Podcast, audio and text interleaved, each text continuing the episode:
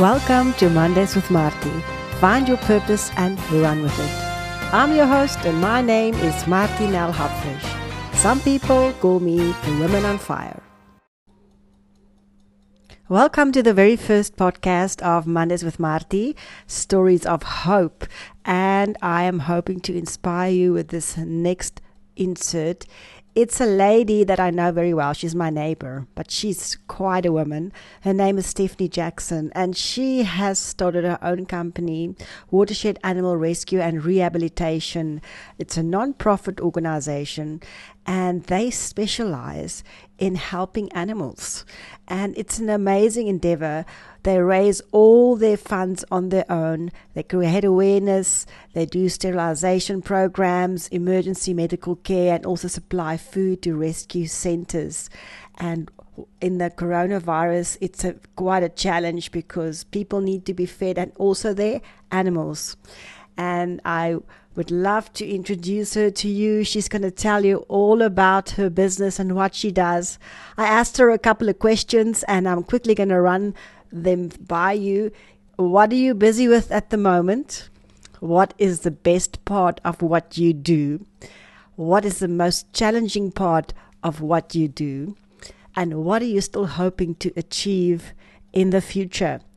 I'm also including Stephanie's information for her organization if you want to contribute.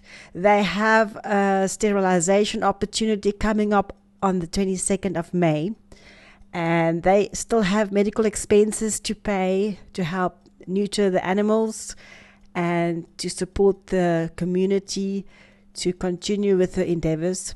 So it will be great if you could contribute to her cause, helping the people care better for their animals and keeping them in charge of their families and their resources.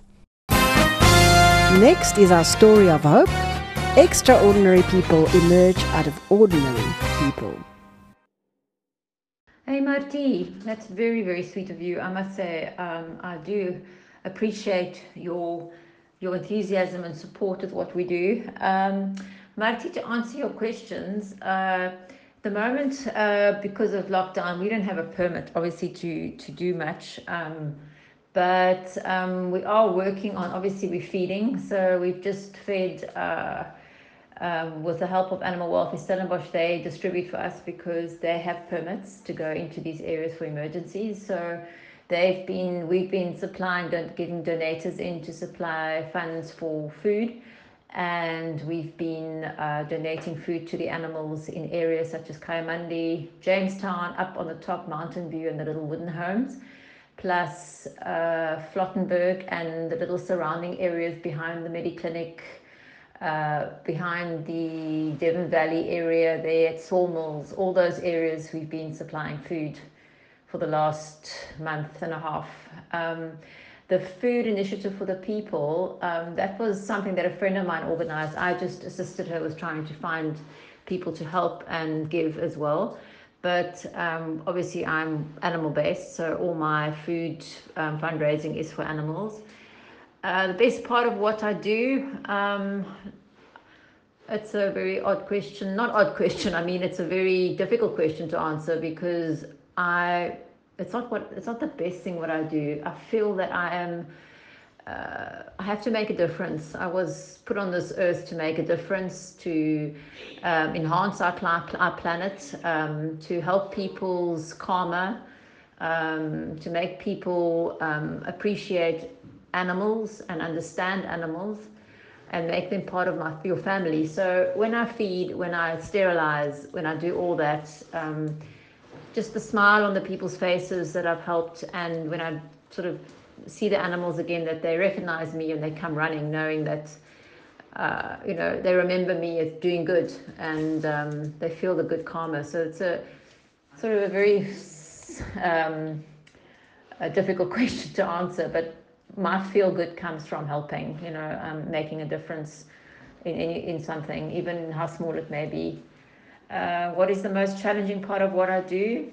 Um, getting money in funding because obviously we are a registered NPO, but we are not at all subsidized by the government. Um, sadly, government doesn't recognize much when it comes to animals.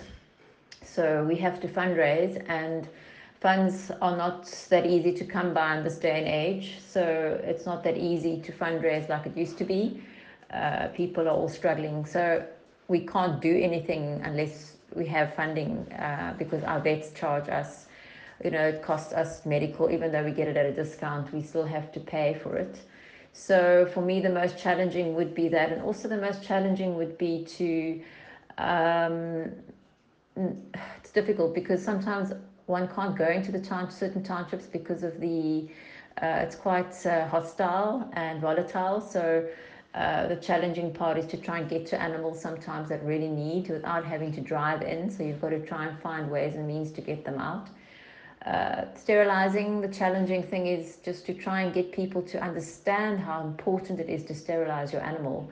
We don't need to get breeders, um, we don't need to breed more animals. There's enough in the world to try and stop and people from breeding their own pets. Um, because they don't realize and understand the massive problem out there about too many animals. And you know, it's all very well you give, you breed with your dog and you give it out the puppies and you think you've given them to good homes, but those people might not, you know, and those people give out their animals, the pups again to another home. So it's just a matter of, oh my word, you know, the absolute spiral effect on breeders and they provide, and breeders start with um, backyard breeding because they're poor, so they start backyard breeding their animals, and the the backyard breeding is such a huge problem. Um, so yeah, it's just you know be a responsible breeder. Breed your animal once if you want to. Make sure that these animals all go to good homes and follow up on them. But that's it. You know, don't continue breeding your animals and support animal rescues. It's very challenging for me to work, work, work, and try and sterilize and sterilize and spend money on sterilizing and trying to raise that funds and giving up my time with my family to go out and help, help, help, and then a year of people just breeding, you know, and um, just just understand that sterilization is key. You've got to get this under control, otherwise you just it leads to so much problems and animal suffering.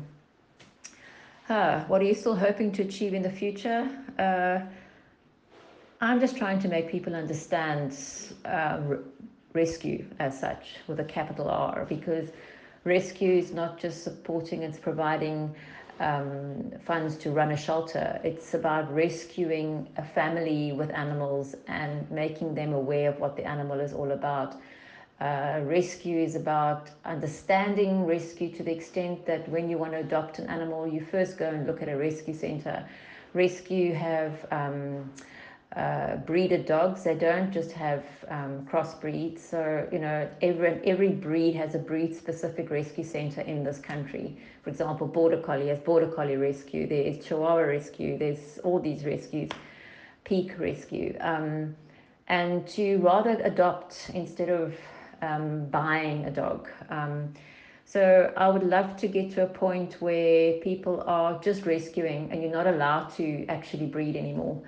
Um, and every dog has to be sterilized at six months. If I could, if I could reach that target, um, and and it becomes a norm, and the government recognizes, and it becomes a law, and it gets um, enforced amongst your municipal um, um, bylaws, it would be amazing. That is exactly what I want to achieve. And once I've achieved that, or once rescue have achieved that, I think we are getting somewhere, and we are a voice. Um, yeah. Uh, Watershed's been going for, I've been involved in rescue for 20 years. This is my 20th year. I've had Watershed for, I've started Watershed 10 years ago. And um, we are a, a registered NPO. Um, we are a public benefits organization, so we can issue tax receipts for donations rendered and uh, yeah, we uh, um, you can find us. We've got a watershed Facebook page. Um, I'm not into much advertising. For me, it's all about word of mouth. People must know who I am and what I stand for to to support me. Um, I I believe in that. Um, we have. I'm not very techy, so that's why my Facebook, my my web page, watershed.org.za, is very outdated but they can go on there if they want to get an idea of what we do. Um, as I said, the Watershed Animal Rescue Facebook page is quite is quite um, large, and my own private Facebook page and my Instagram. I've got a watershed Instagram page as well. So, but yeah, so those are the things. If you want people want to see updated things, uh, you know, when we do sterilizations, we do update it onto these sites. Uh, our next sterilization is on the 22nd of May in uh, Groendal and the um, the township, Black Township up in Franschhoek. Um, they are desperate for sterilizations. Two years ago, we did a huge sterilization there. We sterilized over 500 animals. Um, and the SPCA are there, but it's not enough to improve the situation there. So we're going out and sterilizing um, and sterilizing there on the 22nd of May again. Just a very small one because I don't know how many we can do while it's still sort of almost stage four. So we'll see what we can do but uh, I've got some funding in, so as soon as the funding comes in, we use it immediately when it comes to sterilization and um, feeding. We have got a constant sterilization outreach program that we run in Napier, uh, where we go three or four times a year there and we sterilize um, because we're trying to clean up a area at a time. It doesn't help to sort of hop along and try and sterilize for a few year, a few year, a few year, because then it just gets out of control again. You've got to concentrate on an area. So we actually just work in Napier. I just like to say it that way because our funding doesn't permit us to work in many places. But um, so we try and raise funds and then sterilize in an area and clean it up totally and educate and get it get it sorted as much as possible and make the local animal rescue organizations that work in those areas. We work very closely with them so that they can then carry it on. Um, anyway, so that's if you need any more questions answered, please anytime just let me know. I will be um, most most um, I'm most grateful for what you're doing and I really appreciate everything. Thanks, Marty. Cheers.